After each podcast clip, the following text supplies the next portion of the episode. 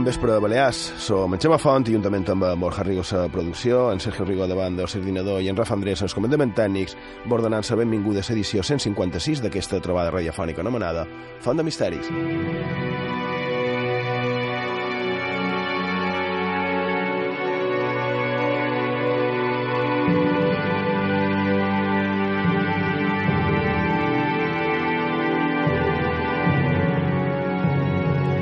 Bé, primer de tot, saludar, dedicar-li el programa a tots el que aquesta nit vos toca fer feina. Eh? Taxistes, personal d'hostaleria, hospitals, policia, policia benzineres, eh, vigilant de seguretat, bombers i, i tant d'altres, no? que ara mateix tal vegada estàu tots sols escoltant la ràdio i de, gràcies per haver-nos triat eh, a una nit no? en la que un està acostumat a estar amb els éssers estimats, però tampoc hem de deixar de banda, no hem d'oblidar que una data del calendari és només això, eh? és, és un dia.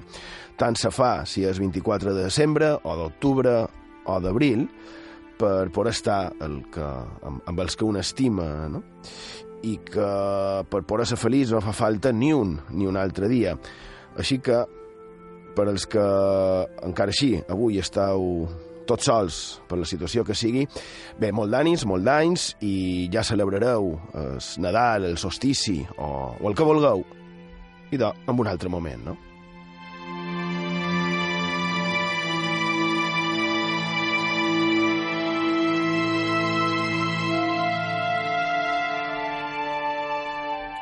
Ara, al manco aquesta horeta, eh, estarem en, en vosaltres tractant, si ens ho permeteu, de fer-vos una miqueta de, de companyia.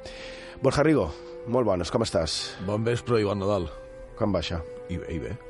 Ja tot a punt, venen bé les festes, tot com ha de ser... Tot com ha de ser i que no canvi. I de, exactament, exactament. Sergio Rigo, com anem? Bon vespre, Xema. Uh, tenim les formes de contacte preparades, també rebrem i enviarem felicitacions.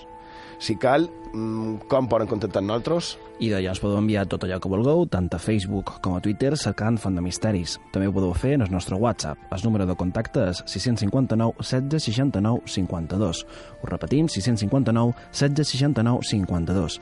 I per acabar també podeu fer servir el correu electrònic fontdemisteris arroba ivetresradio.com.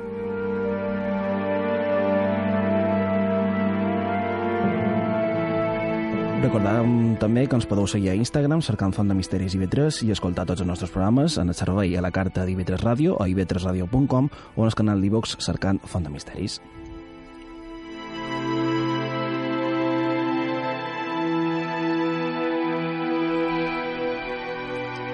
Que, per cert, és, és curiós dir que això de que tant se fa un dia com l'altre, però aquí, a, a Font de Misteris, el programa d'IV3 Ràdio, la ràdio pública de Silla, on es parla de misteris, de llegendes, de, de tradicions, de fenòmens, sense massa explicació, també en el segle XXI, no només de tradicions i, i llegendes antigues, sinó ben actuals. I de, aquí, més d'una vegada, hem parlat d'aquesta nit, de la nit de, de Nadal com una nit màgica, no? una, a més, una de les principals de l'any, però també és principal de l'any també en aquest sentit, en el sentit del misteri.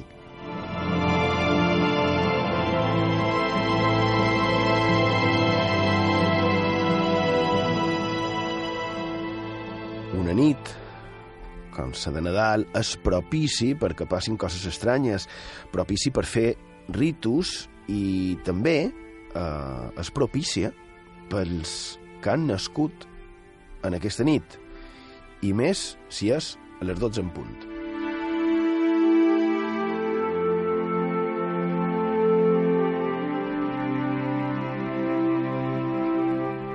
Si qualcú que ens està escoltant just en aquest moment, dissabte de Nadal vespre, ara mateix, i de, si sabeu d'un futur naixement, parau atenció. Diuen que és més rellevant que el primer naixement de, de l'any, que serà d'aquí una setmana i un parell d'hores menys, perquè el nascut la mitjanit d'avui, d'avui cap a demà, poden ser saludadors. No sortiran en el diari, eh? però a la, tradició poden ser persones molt conegudes, reconegudes i amb molta capacitat de fer bé.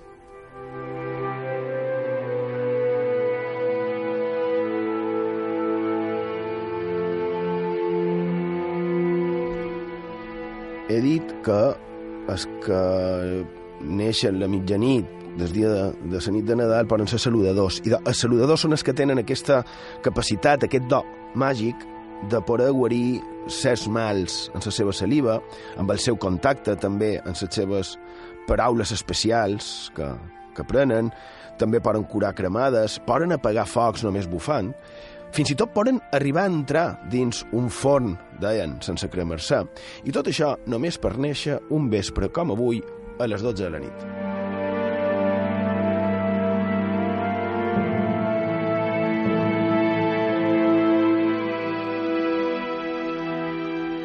Néixer una nit com la d'avui també et permet ser un potencial saurí. Aquells saurins eren els que tenen, tenien la capacitat entre moltes d'altres, que per cert ara aquesta setmana sembla graciós, però és seriós, i tenen la capacitat de trobar aigua.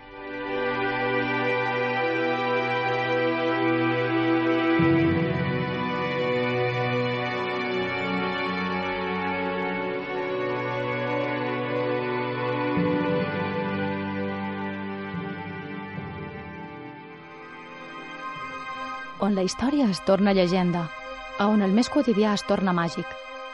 Acompanya'ns a la nostra Font de Misteris a IB3 Ràdio. Misteris i llegendes a Font de Misteris, amb Xema Font.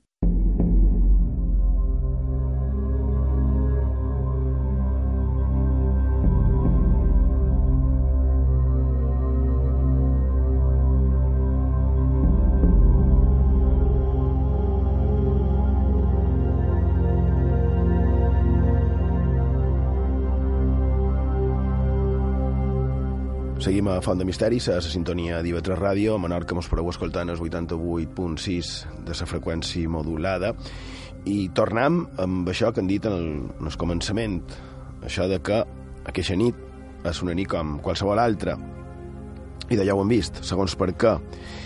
I no només ho pensant nosaltres, molt d'altres abans també ho han pensat així. Nit màgica, nit per contar històries també vora l'allà, vora, vora el foc, encara n'hi ha que tenim la sort de poder gaudir d'una foganya. Bé, i d'aquestes històries de Nadal, de succeïts de, de Nadal, el cap se me'n va anar en en, en en Becker, i així ha fet realitat un somni. Uh, el meu agraïment, com es deia allà pels anys 50 i 60, a l'elenco d'actores i actrices, no?, que, que es deia, i en aquest cas haurien de dir d'IV3 Ràdio, actrius i actors de d'IV3 Ràdio, per la vostra total i desinteressada col·laboració en fer realitat aquesta, aquesta una mica bogeria que, bé, vaig adaptar la famosa llegenda de Maese Pérez l'organista, d'en Gustavo Adolfo Becker, adaptar-la a guió radiofònic sense narrador i com si l'acció hagués succeït, com no, a les nostres illes. Gràcies a Òscar Amores per la col·laboració a l'elaboració del guió, en Ananda Hernández, documentalista IB3, en Maria Antònia Garí, en Pet Diat de producció d'aquesta casa, en Irene Font, en Antònia Escanelles, d'informatius i la secció humorística de la Picolíssima, cada matí a les 9 menys 5, en en Sergi Marcos, director del magazín d'Escap Vespre Múltiplex, en en Miqui Fiol, tècnic de son, en Gabriel Rigo, l'actriu Carme Feliu, en en Xisca Genovar, bon fitxatge, en en Rafa Andrés, també tècnic de so, també en Mònica Monar, que du el tema administratiu, i també, com no, en Sergio i en Borja, que quan els hi plantejo qualsevol locura, eh, sempre diuen que sí, encara que en, en Borja li ha tocat fer es, es muntatge. I, a més, quan li vaig dir que feim això, la seva resposta va ser "Mm, estic sonats, endavant. I d'això, eh, que Concepció transcorreix eh, l'original d'en Becker, una nit de Nadal, una nit com aqueixa, en la que podrien dir que qualsevol cosa pot succeir, i de anem a escoltar aquesta obra teatral radiofònica eh, que nosaltres hem anomenat Mestre Pere l'organista.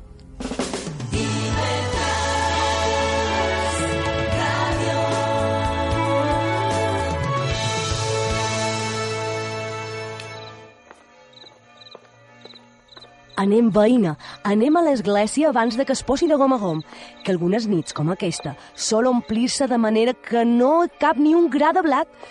Quina sort tenen les monges amb el seu organista. De les altres comunitats religioses, puc dir que han fet al mestre Pere proposicions magnífiques. La veritat és que no té res d'estrany. Fins i tot el senyor bisbe li ha ofert muntanyes d'or per portar-li a la catedral. Però ell, res. Primer deixaria la vida que abandonar el seu orgue favorit. No coneixeu el mestre Pere? I de no, la veritat és que no sé qui és. Van cert, és que sou nova al barri. Doncs és un sant home, pobre sí, però que fa almoina com cap altre. Sense més parents que la seva filla, ni més amic que el seu orgue, passa la vida sencera a vetllar per la innocència de la una i compondre els registres de l'altra. I això que l'orgue és vell. I de res. Ell es dona tal many a arreglar-ho i cuidar-ho que sona que és una meravella. Com qui le coneix de tal manera que les palpentes, perquè no sé si ho he dit, però el pobre senyor és sec de naixement. I en quina paciència porta la seva desgràcia. Quan li pregunten que quan donaria per veure, respon Molt, però no tant com creieu, perquè tinc esperances. Esperances de veure? Sí. I molt aviat afegeix, somrient, com un àngel. Ja en tinc 76 anys, però per molt llarga que sigui la meva vida, aviat veuré a Déu. Mesquinat. Sí, pobret, i sí, ho veurà, perquè és humil com les pedres del carrer, que es deixen trepitjar per tothom. Sempre diu que no és més que un pobre organista de convent i pot donar lliçons de solfa a qualsevol. El seu pare tenia la mateixa professió que ell. Jo no el vaig conèixer, però la meva senyora mare, que al cel ens vegem, diu que el portava sempre a amb ell per donar-li a les manxes. Després, l'Al·lot va mostrar tals disposicions que, com era natural, a la mort del seu pare, va heretar el càrrec. I quines mans té! Déu li es beneeixi! Sempre toca bé, sempre! Però una nit com aquesta és un prodigi. Ell té una gran devoció per a aquesta cerimònia de la missa del gai i quan aixequen la sagrada forma, al punt de les 12, que és quan va venir al món el nostre Senyor Jesucrist, les veus del seu orgue són veus d'àngels.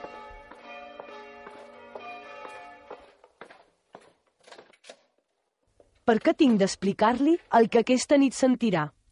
Basti veure com tot el més florit d'Eivissa, fins al mateix senyor bisbe, venen a un humil convent per escoltar-li. I no es pensi que només la gent sabuda i la que entén d'això de la solfa coneixen el seu mèrit, sinó fins i tot el poble. Totes aquestes gens que veieu arribar callen com morts quan posa mestre Pere les mans a l'orgue i quan alcen, quan alcen no se sent una mosca. De tots els ulls cauen unes bones llàgrimes I en concloure, se sent com un sospir immens, que no és una altra cosa que la respiració dels assistents, continguda mentre dura la música. Però anem, anem, que ja han deixat de tocar les campanes i començarà la missa. Anem endins. Ui, com canvia des de fora, que està de ben il·luminada, que està d'adreçada a l'església, que està tot de polit. Calli, calli, que ha entrat el senyor bisbe. In nomine Pater, et Filis, et Spiritus Sanctis, in nomine Pater, et Filis, et Spiritus Sanctis, in nomine Pater, et Filis, et Spiritus Sanctis.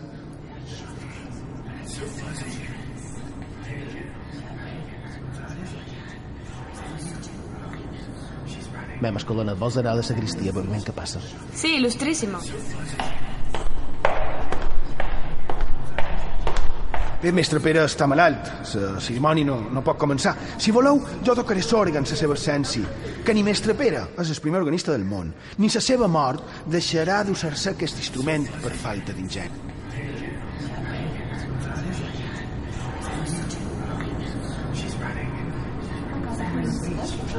Faci, faci. Qui és aquest home?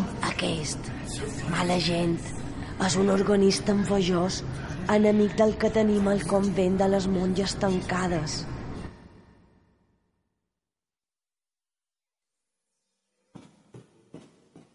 Mestre Pere és aquí, mestre Pere és aquí. Mirau, mirau. El porten a coll. Qui és, qui és? Qui ha de ser? El mestre Pere, l'organista. Veus lo malament que està. I donis insistència de la seva estimada filla, ni els preceptes dels metges han aconseguit evitar fer-lo venir, encara que sigui en aquestes condicions. Que no, que aquesta és la darrera. Ho sé, ho sé. I no vull de cap manera morir sense visitar el meu orgue. I, i més aquesta nit, la nit de Nadal. Dugueu-me cap a l'orgue. No demorem més l'inici de la missa del gall.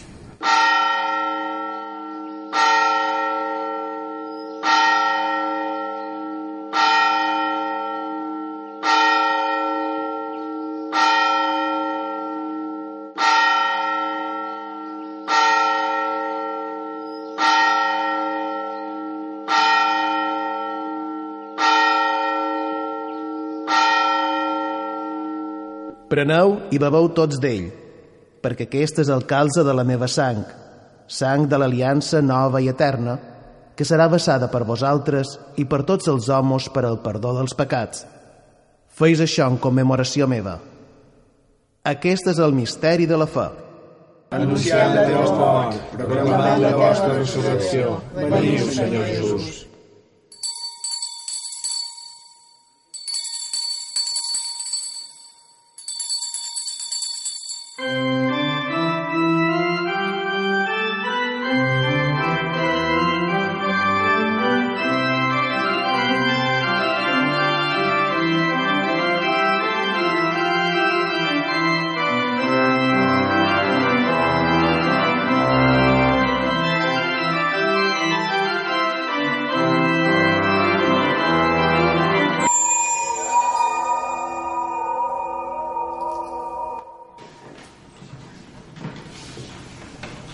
És estrany. Què ha estat? Però què és el que ha succeït? Deixa'm passar, per favor. Anem a mirar-ho. Què hi ha? Senyor bisbe, mestre Pere és mort. Acaba de morir. Bona nit tengui, donya Eulàlia. També vos veniu aquesta nit a la missa del gai? Per la meva banda tenia feta intenció d'anar-la a sentir a la catedral. Però el que succeeix... On va una ovella cap allà, que va la guarda. I això que, si he de dir la veritat, des de que va morir mestre Pere, sembla que em tiren una llosca sobre el cor quan entro al monestir de Sant Cristòfol. Pobret, era un sant, però com ha de ser? A morts i a bots no hi ha d'amics. Ara, el que agrada és la novetat. Doncs sí, senyor, Sembla cosa feta que l'organista de Sant Telm, aquell estràbic que sempre està tirant pestes dels altres organistes, aquell vició sense remei que més sembla un ronyós d'escorxador del mercat que mestre de solfeig, va a tocar aquesta nit de Nadal en lloc de mestre Pere. Ja sabreu vos, perquè això ho ha sabut tothom i és cosa pública a Eivissa, que ningú volia comprometre's a fer-ho. Ni Àduc, la seva filla, que és professora, i després de la mort del seu pare va entrar en el convent de novícia. I era natural, acostumats a sentir aquelles meravelles, qualsevol altra cosa havia de semblar-nos dolenta, per més que volguessin evitar-se les comparacions. Doncs quan ja la comunitat hi havia decidit que en honor del difunt i com a mostra de respecte de la seva memòria romandria callat l'òrgan aquesta nit, vet aquí que es presenta el nostre home dient que ell s'atreveix a tocar-ho. No hi ha gens més atrevit que la ignorància. Ai, si aixequés el cap al mort, es tornava a morir per no tornar a sentir l'orgue tocat per aquelles mans. Però si és veritat el que m'han dit les gens de dalt Vila i de la Marina, li preparen una bona l'intrus aquest. Quan arribi el moment de posar la mà damunt les tecles, començarà una algarabia d'ozonais, panderos i ximbombes que no hi hagi més que sentir. Però calli, ja entre l'església l'heroi de la funció. Jesús, quines rebotes de colorins, quins aires de personatge. Anem, anem, que ja fa estona que va arribar el bisbe i va començar la missa. Anem, que em sembla que aquesta nit ens donarà per explicar molts de dies. Sí, anem-hi, que ara començarà.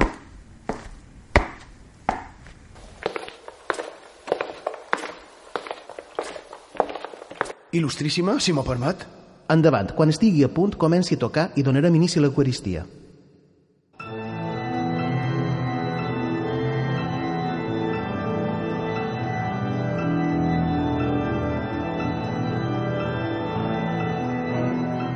És en trobar, que per no fer res bé ni encara així miraria dretes esquerres.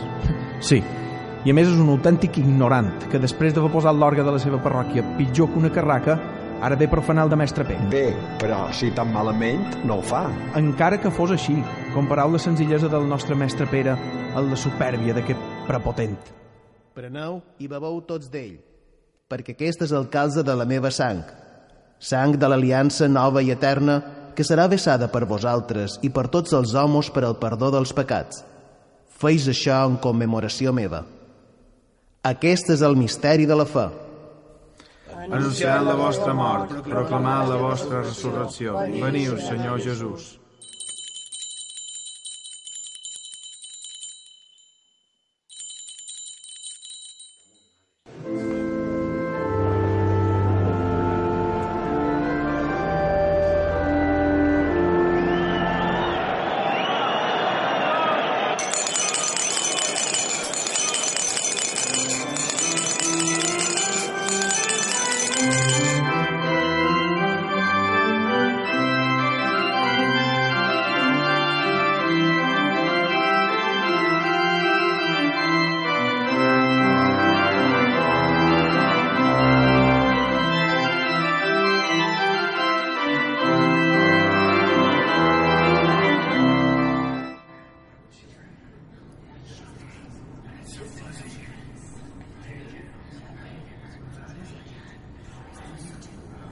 Ja veieu, ven des del Palau Episcopal aquí només per escoltar-vos. Sereu tan cruel com mestre Pere que mai va voler excusar-me el viatge tocant la nit de Nadal a la missa de la catedral? L'any que ve promet donar-vos gust, il·lustríssima, perquè per tot so de la terra no tornaria a tocar mai més aquest orgue. I per què? Perquè, perquè és vell i dolent i no pot expressar tot el que es vol.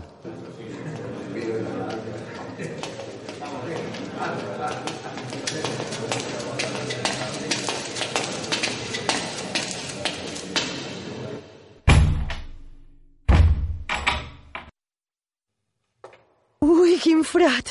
I què voleu que vos digui, senyora doña Eulàlia? Aquest home no pot haver tocat el que acabem d'escoltar. Sí, jo he sentit mil vegades en s'entén que era la seva parròquia i don el senyor pàrroc va haver d'engegar-lo per dolent. I és que, a més, era cosa de tapar-se les orelles amb cotons. Jo me'n recordo, mesquí, com si li estigués veient. Me'n recordo de la cara de mestre Pere, quan una nit, com la d'avui, baixava de la tribuna, després d'haver deixat esturmallat l'auditori amb les seves meravelles. Quin somriure tan bondadós, quin color tan animat. Era vell i semblava un àngel, no com aquells que ha baixat les escales atrompades, com si les cansés un ca de bou, amb un color de difunt i unes... Sí, sí, la veritat és que teniu molta de raó, molta. Quina diferència? Anem, senyora doña Eulàlia, cregui'm, cregui'm de totes totes. Jo sospito que aquí allà bucilis. Aquí hi ha una cosa estranya, ben estranya. Però, sor Agnès, feis el favor. Sou la filla de mestre Pere. El poble l'enyora. Li agraeixo, mare Badesa, però no. Mireu l'església. Gairebé no hi ha ningú. Un parell de feligresos esperant que comenci un any més la missa del gall. Ai. Ja ho veu, germana Agnès, el vostre temor és en gran manera pueril. Ningú hi ha en el temple. Tota Eivissa acudeix en tropell a la catedral aquesta nit. Toqueu-vos l'orga i toqueu-lo sense desconfiança de cap classe. Estarem en comunitat. Però, per què calleu? Per què sospireu? Què us passa? Què teniu? Tenc por, mare Badesa. Tenc por. Por? De què? De què teniu por, filla meva? No ho sé, d'una cosa sobrenatural. A nit passada... Escolti, mare Badesa, jo us havia sentit dir que teníeu obstinació en que fos jo la que toqués l'orgue a la missa. I xalest amb aquesta distinció, vaig pensar arreglar els seus registres i temprar-lo, per avui poder-vos sorprendre. Vaig venir al cor, sola. Vaig obrir la porta que condueix a la tribuna. En el rellotge de la catedral sonava en aquell moment una hora. No ho sé quina devia ser, però les campanes eren tristíssimes, i moltes. Van estar sonant tot el temps que jo vaig romandre com clavada a la llinda, i en aquell temps em va semblar un segle. L'església era buida i fosca, i allà lluny, al fons de tot, brillava com un estel perdut en el cel de la nit una llum moribunda. La llum de la llentia que crema l'altar major. Amb els petits i febles reflexos vaig veure, li vaig veure, mare, no em dubteu, vaig veure un home que en silenci girat d'esquena cap al lloc on jo hi era, recorria amb una mà les tecles de l'orgue mentre tocava en l'altra els seus registres. I l'orgue sonava, però sonava d'una manera indescriptible. Cadascuna de les seves notes semblava un ciclot ofegat dins del tub de metall, que vibrava en l'aire comprimit del seu buit i reproduïa el so sord, gairebé imperceptible, però just. I el rellotge de la catedral continuava donant l'hora i l'home aquell prosseguia recorrent les tecles. Jo sentia fins i tot la seva respiració. L'horror havia gelat la sang de les meves venes. Sentia el meu cos com uns calç freds i el meu cap, foc. Llavors vaig voler cridar, però no vaig poder. L'home aquell havia tornat la cara i m'havia mirat. Dic malament, no m'havia mirat. Per què? Perquè era sec. Era el meu pare. Au, au, germana, rebutgeu aquestes fantasies amb aquell maligne, l'enemic.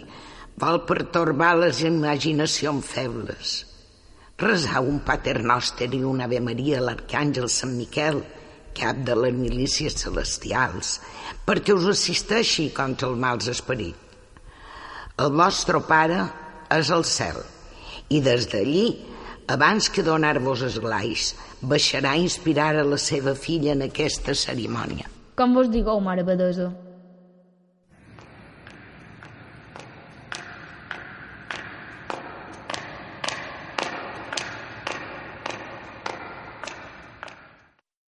In nomine Pater et Filis et Spiritus Sancti. Amén. Ens hem reunit aquí per celebrar aquesta Eucaristia de Nadal. Preneu i beveu tots d'ell, perquè aquesta és el calze de la meva sang, sang de l'aliança nova i eterna, que serà vessada per vosaltres i per tots els homes pel perdó dels pecats. Feu això en commemoració meva. Aquest és el misteri de la fe. Ah!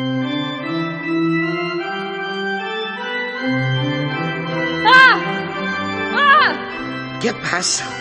Què tens? Què ha estat? Mireu-lo! Mireu-lo! És allà!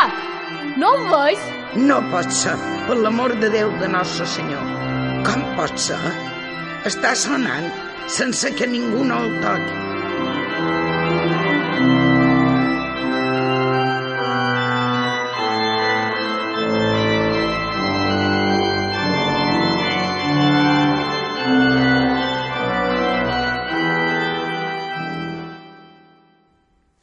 No s'ho vaig dir jo una i mil vegades, senyora doña Eulàlia.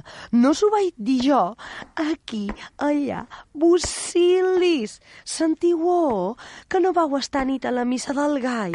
Però bé, ja sabreu el que va passar. En tota Eivissa no es parla d'una altra cosa. El senyor bisbe està fet, i amb raó, una fúria haver deixat d'assistir al monestir de Sant Cristòfol, no haver pogut presenciar el portent. I per què? Per sentir una esquellotada, perquè persones que ho van sentir diuen que el que va fer el joiós organista de Sant Elm en la catedral no va ser una altra cosa. Si ja ho deia jo, això no pot haver-ho tocat l'estràbic. Mentida! Aquí hi ha busilis, i els busilis era, en efecte, l'ànima del mestre Pere.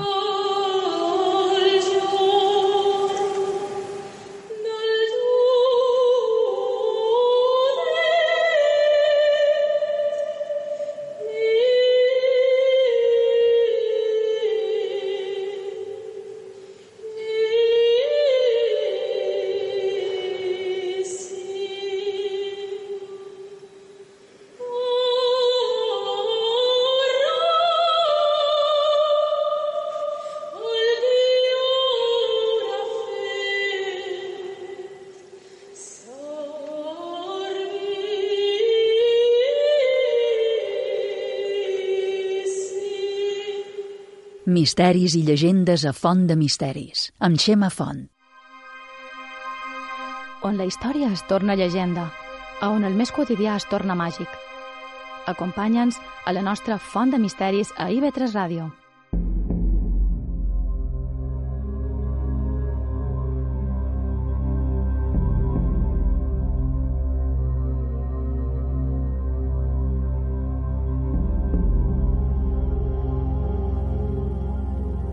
Seguim a Font de Misteris, a sintonia d'IV3 Ràdio, la ràdio pública de les Illes Balears, a Eivissa i Formentera, mos podeu escoltar en el 93.7 de la freqüència modulada, i això que hem escoltat just abans d'aquesta pausa, aquesta recreació, mm, ens parlava de, de fets succeïts a la missa de la nit de Nadal, a la missa de, d'Esgai, de Maitines.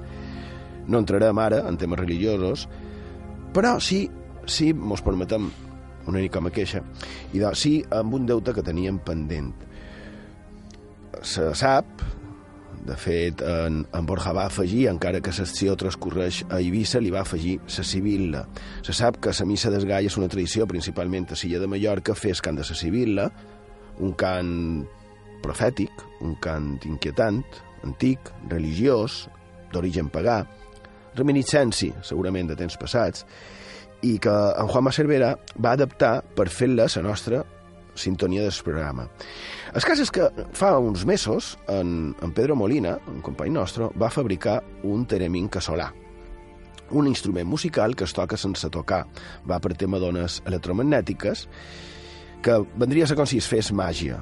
No? Segons com col·loquis la mà a prop d'una antena, sense tocar-la, i de, segons com, a quina alçada i a quina distància fa unes notes o unes altres notes musicals. És a dir, fa música però en sons estranys i inquietants, com a, no sé, com de pel·lícula del misteri. I vàrem demanar a veure si podríem fer la versió de la Sibilla. Eh? És a dir, fer la nostra música de capçalera amb un teremin d'aquests. I aquests són els resultats. Mostrant primer el que va fer Òscar Amores i així entendrem més, per qui no, no sap o no sabi què és exactament un teremin, per entendre quin tipus de música se fa amb aquest instrument musical. Això ho ha fet Òscar Amores.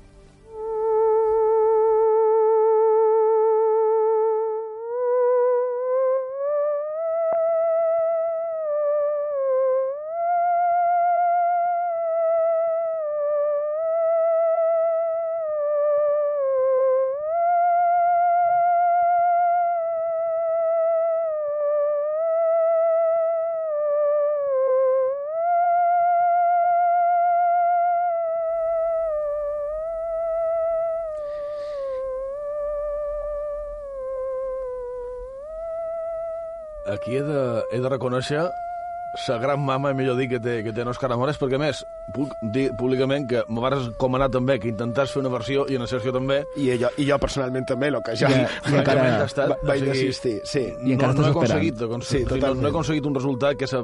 sí, sonava a Sibilla, però no sonava a Sibilla. Sí, però és inquietant, això. És molt inquietant. Et, et sembla això?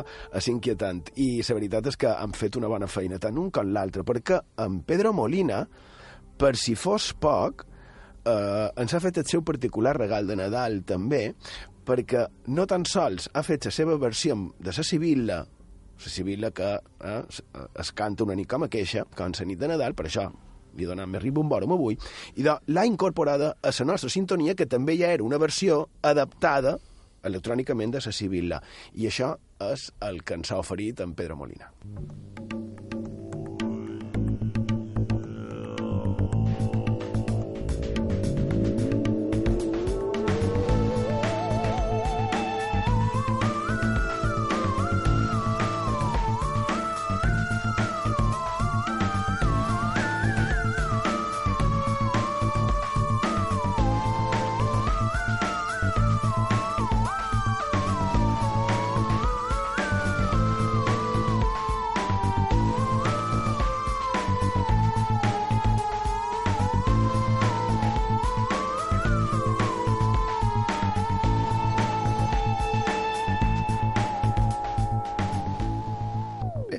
I al final no era més que un intent de fer una nova versió adaptada en els nous temps de la Sibilla, eh? Camp Profètic i... En els nous temps o en els vell temps. També. Per ventura. També, també ho podríem dir Perquè, així. escoltant aquesta versió, podríem dir que la imaginació vola i, i du a pensar coses que no direm en antena, però Sí. que, que crec que els que estàu aquí seguts crec que m'entendreu perfectament.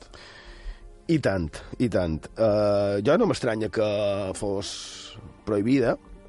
Mm, va ser acceptat pels cristians ja per d'haver el segle IV, uh, solint, com sol succeir, els costums d'altres no? com, a, com a pròpies, i comença a estendre's-se'n fins que deve ser segle X ja està ben estès. A Balears es creu que arriba amb el mateix Jaume I i des de llavors encara que al llarg dels segles de tant en tant prohibida a altres indrets, aquí es va mantenir durant gairebé tot el mil·lenni i ja el Concili Vaticà II, a mitjan del segle XX, la va autoritzar i la va integrar com a part de la litúrgia nadalenca.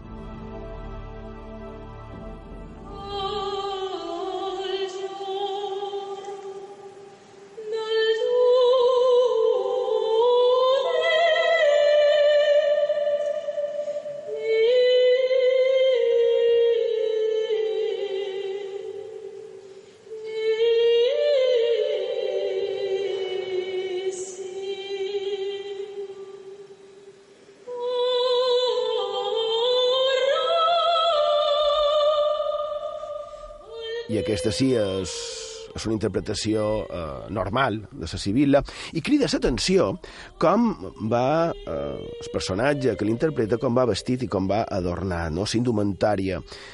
Si no ho heu vist mai, qui canta la Sibilla, ja sigui nina o sigui nin, du com una, com una túnica, com a, com a mig clàssica, mig com si fos àrab, eh?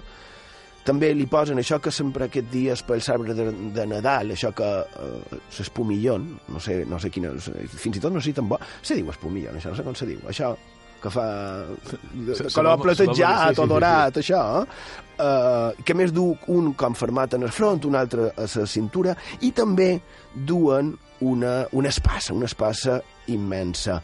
I mentre, mentre du aquest indumentari allà eh, davant tothom, a l'església, damunt de l'altar, interpreten això.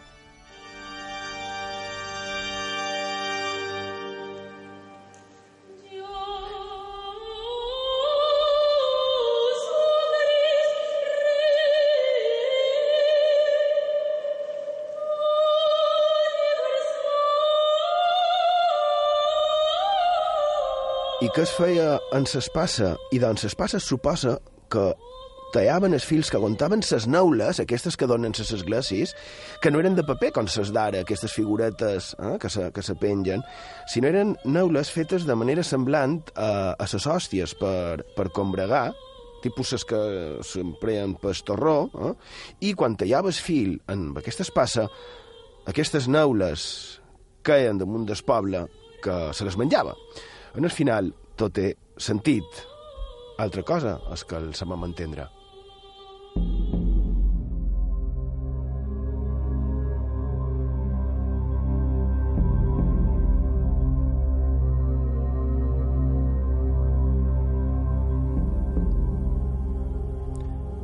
I de, això a Mallorca, i ja que estem en menjars curiosos, feim un, una passejada.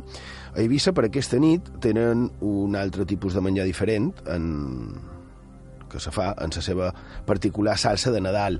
Crec que també és massa desconeguda per la resta de les illes. En el seu l'any amb estampes, en Villan Gómez en, ens parla d'aquesta salsa un parell de vegades, i bé, de fet hi ha bocinats no? que, que ens parla, apreuraré perquè si no no, no mos donarà temps per tot, però la que ell anomena eh, com indubtable símbol ibicenc d'aquestes festes, no? i que la relaciona, atenció, no només amb el Nadal, sinó que diu que torna a bullir cada festa de les que segueixen el solstici d'hivern, es vessa ardent ni les grosses escudelles. Han arribat els freds, els temporals, que solen embestir-nos durant aquestes festes nadalenques i de cap d'any. El vent corre i rumbeja, gairebé sol, part de fora de finestres i portes embarrades, però el fred ha entrat dins les cases. S'atura una mica, respectat el foc de l'allà, i l'escudella de salsa que brusseix, carregada d'espècies i de violència. Ara l'illa és més illa que mai, amb els camins de la mà desfets i turmentats. Bé, seguiria perquè en Bian Gómez és poesia feta en prosa, recomanable.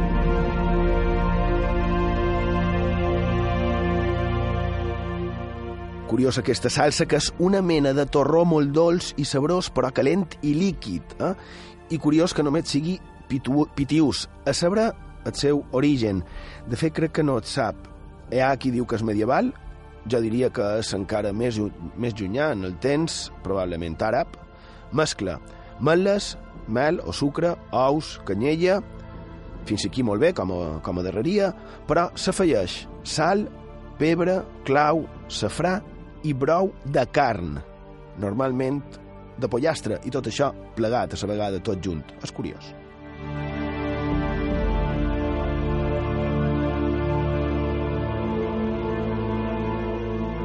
I curiós també que hi hagi menjars diferents a cadascuna de les illes, no? que, com ja hem vist en l'anterior, són diferents i això, curioses. Allò, la veritat és que me sembla una mica la rebosteria de, del Marroc, per exemple, aquests sabors diferents. Però, a part de, de sabors, està el nom, perquè Salsi Vicenca no és un nom estrany, però a Menorca, segons va deixar escrit en Francesc Camps i Mercadal, l'any, jo ho he trobat un escrit de l'any 1921, hi havia un menjar propi que es diu urana, que és una mena de coca frita que té la seva diada pròpia, és Nadal.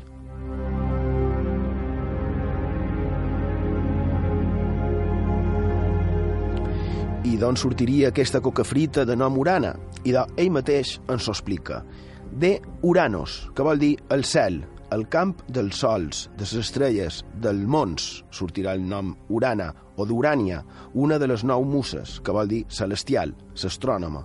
Urana estudia, examina el moviment del sol i dels astres. Afegeix que Cert que els nostres pagesos no la coneixien, a la filla de Júpiter i Nemosina, a Urània, però coneixien bé Surana.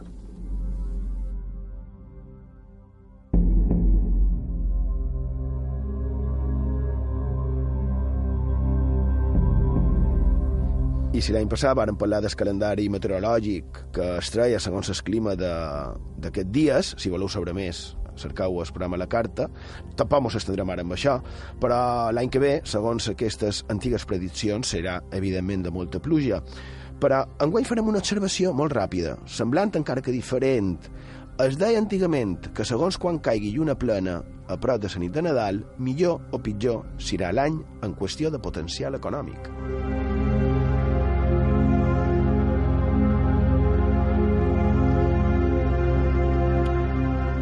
I justament, eh, nit de Nadal, no? Eh, ja que hem parlat de menjars, resulta que aquesta nit es cuidava molt, molt el que es menjava antigament, fa segles. Eh? No és com ara que tenim sopars eh, sovint exagerats. Abans era obligatori fer dijú, obligatori per la norma religiosa, però que, clar, que estava tan arrelada que podríem dir que formava part de la norma civil, no? I, clar, referit a això, com no podria ser d'altra manera, tenim un miracle, un fet sobrenatural, relacionat amb el fet d'un que, que va dir que li era igual, no? Que, que no es pogués menjar segons que aquesta nit, i va agafar un xot que estaven preparant pel dia de Nadal. I lluny, quan anava a pegar-li mossegada, se li va aparèixer, no se sap d'on, un gegant que li va interferrar una, una galtada.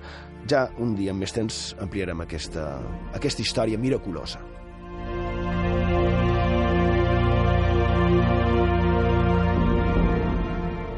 En definitiva, nit especial, com dèiem, nit màgica, emprada per les coses més curioses i variades.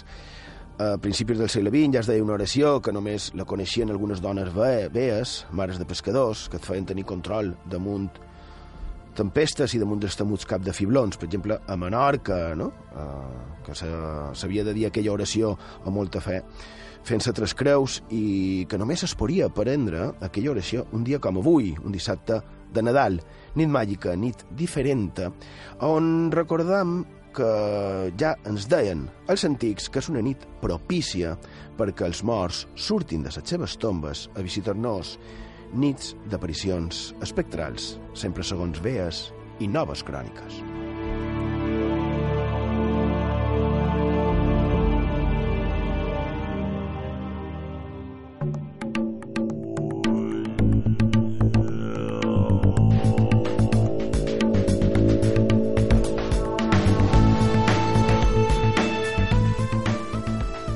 I doncs hem arribat a la fi del programa d'avui i esperem que hagueu passat una estona agradable i que hagueu pogut treure qualque cosa de profit d'aquesta font de misteris.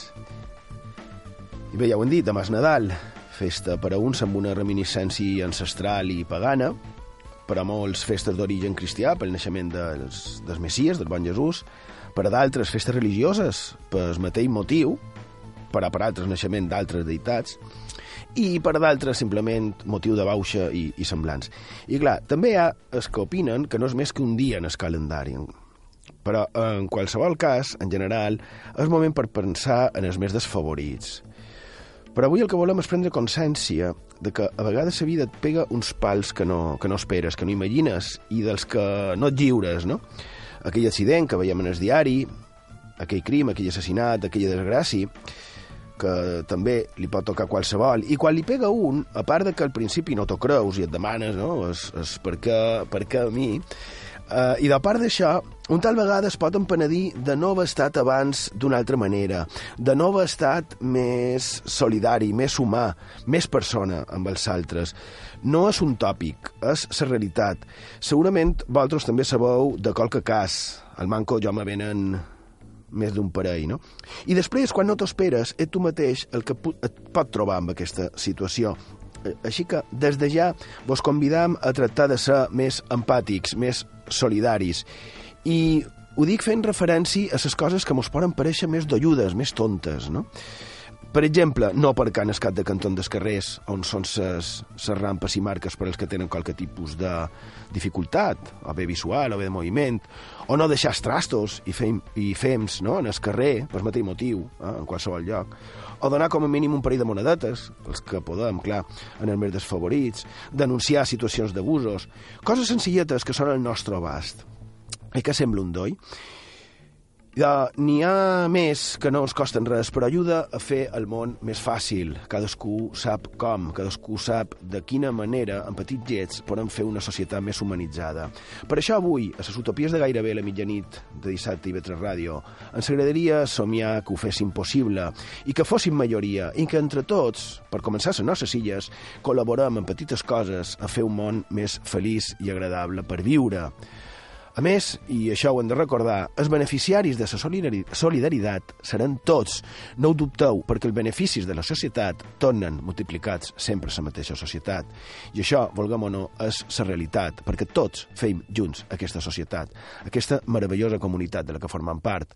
Avui, com a acomiadament nadalenc, una cançó precisament nadalenca, encara que una mica diferent, però amb el mateix desig. Jo, Manel Serrat i Joaquín Sabina l'Orquestra del Titanic, Canció de Navidad, per molt d'anys. Allí Pau, bona nit, gràcies per la vostra companyia i fins la setmana que ve.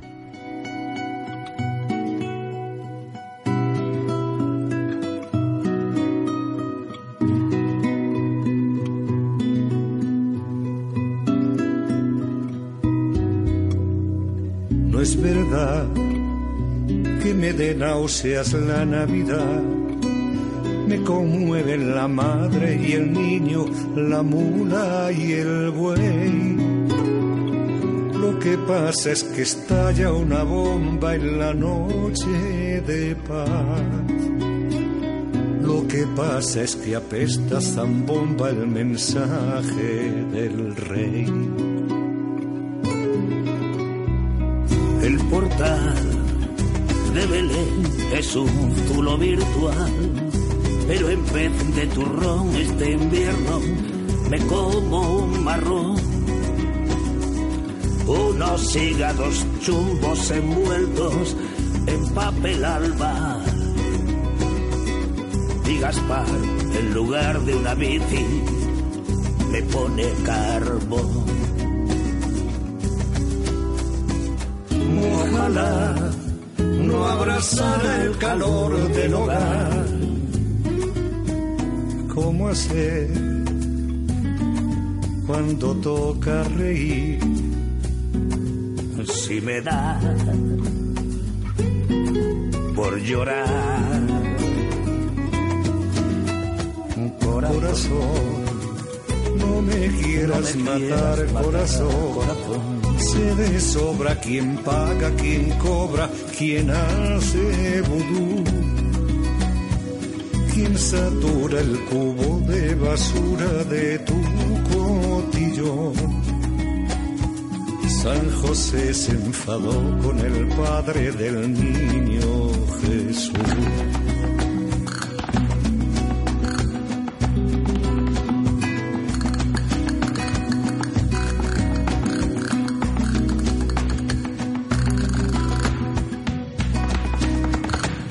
Para ti escribí este sol, fado remí. Te lo vas a encontrar en el árbol de Papá Noel. ¿Cómo voy a decirte que no cuando sabes que sí? Que el cuscús sabe a grano de pus tatuado en la piel. Satanás es un capo llevando el compás infiltrado en el supermercado de la Navidad. No es verdad, no es verdad, no es verdad, no es verdad, no es verdad, no es verdad. No es verdad.